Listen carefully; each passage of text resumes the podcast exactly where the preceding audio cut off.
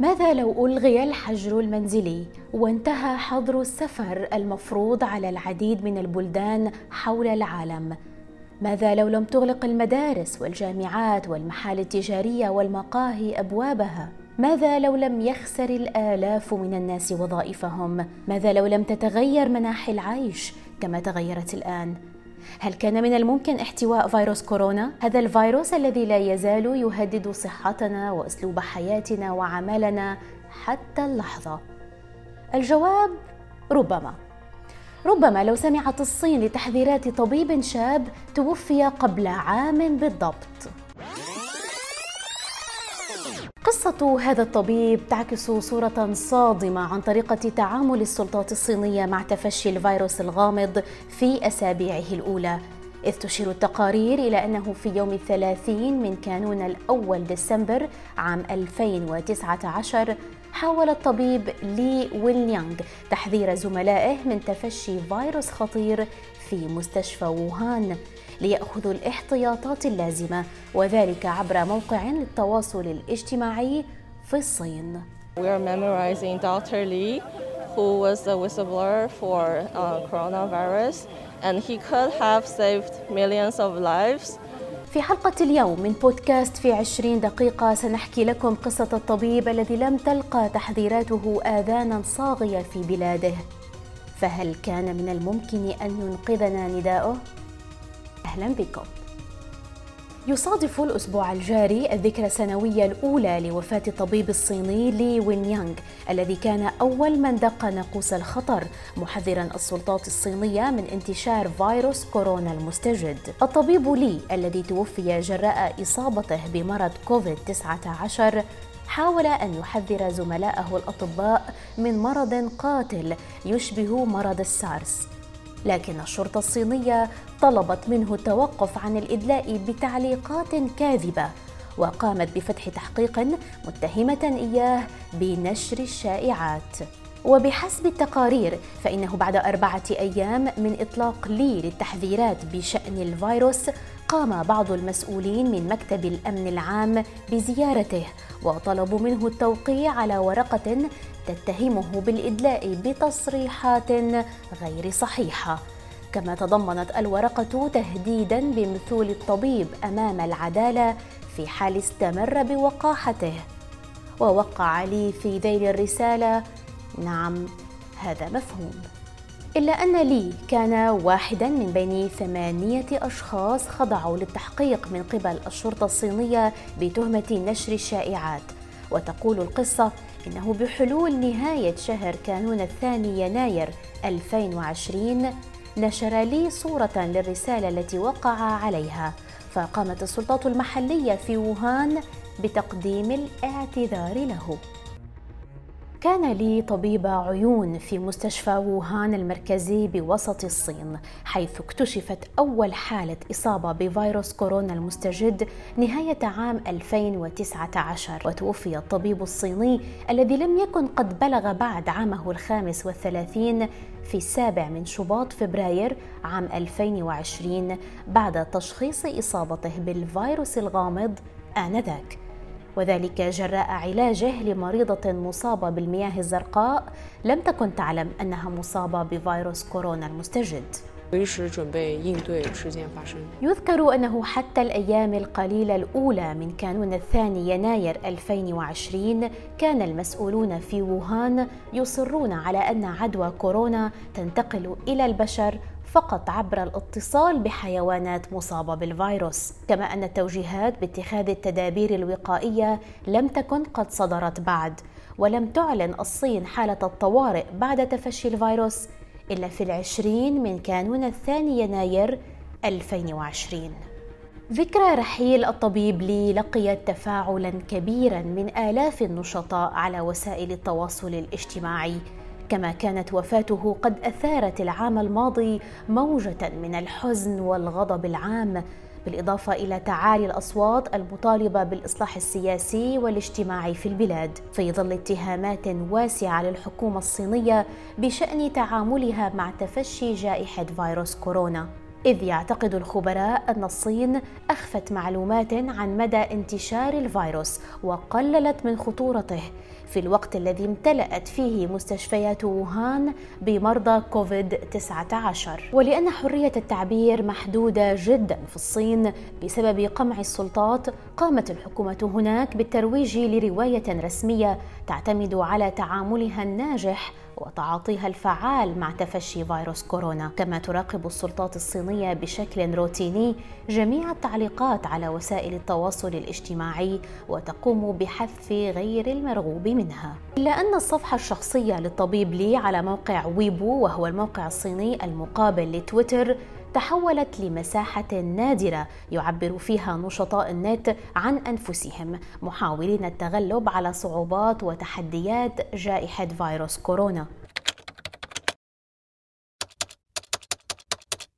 وكتب مئات الآلاف من رواد مواقع التواصل تعليقات في ذكرى وفاة الطبيب لي منها مثلا من قال مخاطبا الطبيب الراحل إن التاريخ والناس لن ينسوك ابدا. فيما كتب شخص آخر اعتقدنا أن الجميع سينساك بعد عام لكننا كنا مخطئين فأنت ستعيش في قلوب الشعب الصيني إلى الأبد.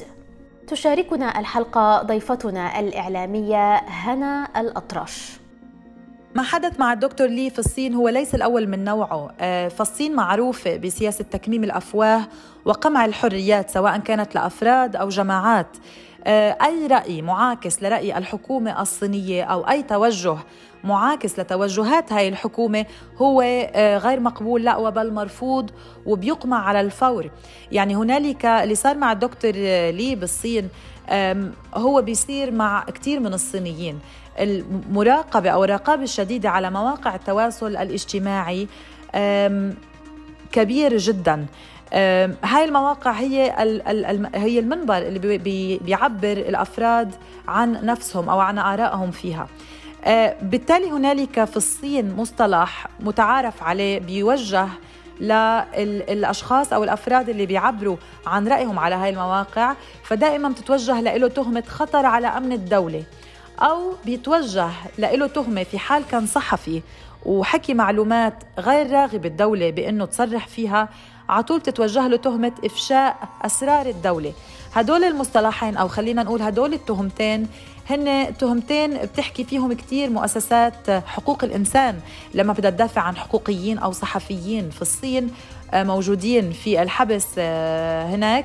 على طول بينحكى إنه وجهت لهم هذه التهم. فيروس كورونا بين للعالم لجماهير العالم شيء كانت مؤسسات الحقوقية بتعرفه وهو قمع الحريات في الصين. ولكن هلأ بعد الدكتور لي آه، صار الكل بيعرف اللي بيواجهه الشعب الصيني من هاي السياسات القمعية. قام الدكتور لي بأواخر شهر ديسمبر بمراسلة أصدقائه عن هذا الفيروس وتم تهديده على الفور. مش لأنه آه، الحكومة اعتبرت أنه الشائعات كما أعلنت أنه هي شائعات مغرضة. لا بالعكس هي الحكومة لأنه كان عندها علم بهذا الموضوع. آه، ففي تقرير آه، صادر عن وزارة الأمن الداخلي الأمريكية. هذا التقرير مكون من أربع صفحات. قالت في وزارة الأمن الداخلي بأنه الصين أخفت الوباء عن العالم عن قصد وعن عمد. الدليل على هذا الشيء هو زيادة وارداتها من المستلزمات الطبية وخفضت صادراتها من هاي المستلزمات. بالمقابل بكين لما حاولوا يعني يستوضحوا منها آه هذا التستر على هذا الشيء قالت بكين بأنه هذا الشيء عم بيصير لأنه في عنا سياسات جديدة وقيود جديدة على التصدير مش لسبب آخر. الصين ضلت متكتمة على مدى فتك هذا الفيروس لحد آه، آه، أواخر شهر واحد 2020 لحتى تتمكن يعني بحسب هذا التقرير عم بحكي لحتى تتمكن من طلب الإمدادات الطبية من الخارج على قدر حاجتها لا وبل أكثر من قدر حاجتها. فمثلا لوحظ بانه وارداتها من القفازات والأقنعة والملابس الواقية زادت بشكل كبير جدا وبشكل حاد بحسب وصف التقرير في شهر آه، واحد شهر يناير 2020 بتلك الفترة كمان اللي آه، خلينا نقول فترة تكميم الأفواه عن الفيروس كان هنالك آه، حركة قمعية ضد الصحفيين فتم طرد الكثير من الصحفيين الأجانب وتهديد الصحفيين الصينيين الموجودين في الصين حول هذا الموضوع حول موضوع فيروس كوفيد 19 أه، بحسب مراقبين الإنترنت نشرت نيويورك تايمز مقال عن مراقبين الإنترنت في الصين. وبالعودة للدكتور لي في هذيك الفترة أه، فترة وفاة الدكتور لي مراقبين الإنترنت من الحكومة الصينية أصيبوا بالذعر بهذيك الفترة حيث أنه تم هنالك اجتماع كبير والمراقبين الحكوميين أصدروا أوامر للمواقع الإخبارية والمواقع الإخبارية سواء كانت آه، مسموعة أو مكتوبة أو اللي على الإنترنت بعدم إصدار أي إشعارات حول أو أي أخبار حول وفاة الدكتور. أما بالنسبة للإنترنت فمنعوا إصدار إشعارات trending news اللي هي الأخبار بنعرفها ال trends تبعيت اليوم أو أكثر ما يتم تصفح خلال اليوم. انمنع ينحط أي شيء بخصوص وفاة الدكتور لي لأنه ما بدهم هاي الشوشرة تكون موجودة. آه، فانشال اسمه عن الصفحات وعن وسائل التواصل الاجتماعي. كذلك لم يذكر هذا الموضوع في آه، أول يوم توفى فيه الدكتور لي على الأخبار. آه، هاي الوثائق تأكدت من مجموعة قراصنة اسمها بي Unmasked. وضحت هاي الوثائق مقدار الجهود اللي بذلتها الحكومة الصينية لفرض قبضتها على الرأي العام وخصوصا اللي حدث مع الدكتور لي بهديك الفترة. آه، قمع الحريات بالصين كذلك ما بيقتصر فقط على على اللي موجودين في الصين آه، حتى اللي موجودين خارج الصين. يعني حتى الطلاب الصينيين لما سمح لهم يطلعوا يدرسوا خارج الصين كان في هنالك يعني الحزب الشيوعي أسس جمعية اسمها الطلاب والباحثين الصينيين. هاي الجمعية مهمتها مش بس توفير مساعدة لهؤلاء الطلاب اللي بيدرسوا في الخارج سواء كان في جامعات أمريكية أو أوروبية. لا هو المهمة الرئيسية كانت لهذه الجامعة مراقبة أنشطة هؤلاء الطلاب. الجمعية آه، في موجود لها حوالي 150 فرع في الجامعات الأمريكية فقط وعشرات الفروع في الدول الأخرى. وبيتم تعاملها مباشرة مع القنصليات الصينية والسفارات الصينية الموجودة في هذيك البلدان لفرض ال ال يعني الرقابة وقمع الآراء آه، الموجودة آراء الصينيين وخصوصي الطلاب الموجودين هناك. آه، في مركز ويلسون بالولايات المتحدة صرح بأنه الطلاب الصينيين آه، لأنهم بيتبعوا لهي الجمعية. آه، بيطلبوا دائما من أعضاء هيئة التدريس تعديل أي محتوى بالمحاضرات آه، أو بالمواد التعليمية بيكون ضد الصين أو أو أو سياساتها. ودائما في عندهم مصطلح بيحكوه بأنه اللي أنتم عم تحكوه آه، يضر بمشاعرنا الصينية. وبالتالي مؤسسة ويلسون أو مركز ويلسون بيعتبر إنه هذا جزء من التنمر على حرية الرأي كما ما بيقولوا يعني. الطلاب الصينيين دائما بيكونوا يحكوا بقصة تضرر مشاعرهم خصوصا لما بيطل... لما بيتطرق آه، الهيئة التدريسية أو الطلاب الآخرين بمواضيع مثل آه، مسلمي الايغور أو حقوق المسيحيين أو البوذيين في في آه، في الصين. ف حتى الأقليات الموجودة في الصين معروف عنها بأنها بتتعرض للقمع. آه، الأقليات الدينية كمسيحيين أو بوذيين أو آه، أو مسلمين بحسب مؤسسة هيومن رايتس ووتش يتم هنالك إبادة وتدمير المساجد والكنائس والمعابد في الصين بتعليمات من الحكومة وليس وما بتكون هي آه، عبارة عن ممارسات أفراد ولكن هي تعليمات من الحكومة بتصدر للجهات المعنية بهذا الموضوع. فممارسات التكميم الأفواه والقمع اللي موجودة في الصين هي ما بتقتصر فقط على آه، على الموجودين في الصين ولكن هي لأي مواطن صيني حتى خارج الصين. بالعودة لموضوع موضوع كورونا آه، آخر مستجد صار آه، بخصوص كورونا عند زيارة محققي منظمة الصحة العالمية لووهان في الفترة الأخيرة كان هنالك العديد من الأهالي أهالي ضحايا فيروس كورونا اللي تحدثوا عن تهديدات من قبل الحكومة الصينية وكذلك استلام رشاوي من الحكومة آه، بسبب أنه الحكومة ما بدها أهالي هؤلاء الضحايا يتحدثوا مع محققي منظمة الصحة العالمية.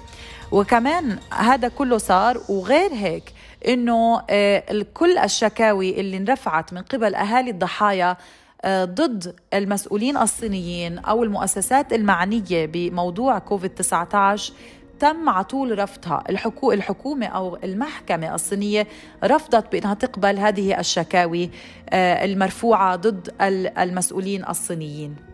مدينة ووهان الصينية مهد فيروس كورونا والبؤرة التي انتشر منها الوباء إلى كل أنحاء العالم. لم تظهر فيها أي مؤشرات حزن علنية على ذكرى وفاة الطبيب لي. وأمام مشفى ووهان المركزي حيث كان الطبيب الراحل قد حذر زملائه من فيروس جديد غامض. غابت أي مظاهر للتكريم من صور وباقات زهور كالتي تركها المواطنون قبل عام كما أن هذه المدينة التي تم رصد أولى حالات الإصابة بفيروس كورونا فيها تستقبل في الوقت الحالي فريقا من مفتشي منظمة الصحة العالمية الذين يقومون بمهمة تتبع منشأ الوباء.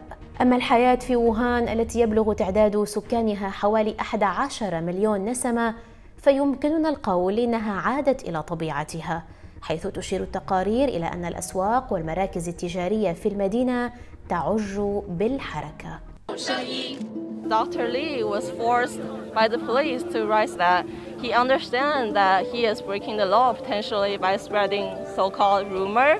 We are saying, I can't, I don't understand how the freedom of speech would be breaking the law. After the death of Dr. Lee, and there was like a huge public outcry online, but very soon it was cracked down. The state apparatus is very strong in China, so I wouldn't say there will be a like, very immediate movement, but still I think it would be a like one of the beginnings of such movement in the future. كانت هذه حلقة اليوم من بودكاست في عشرين دقيقة. تحدثنا فيها عن قصة الطبيب الشجاع لي وين يانغ الذي كان أول من أخبر العالم عن تفشي فيروس كورونا. لكن هل من الممكن أن تكون نهاية هذا الطبيب سببا لتخوف الكثيرين من إطلاق التحذيرات خاصة أننا في الوضع الحالي بتنا في حاجة كبيرة إلى عشرات الألوف؟ من أمثال الطبيب لي. شكرا لكم على الاستماع إلينا ونلتقي في حلقة جديدة على راديو الآن. إلى اللقاء.